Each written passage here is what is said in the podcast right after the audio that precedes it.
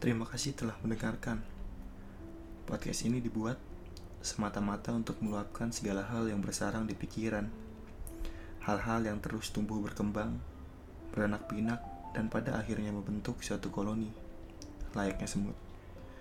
Walau gak apple to apple, tapi sederhana seperti itu.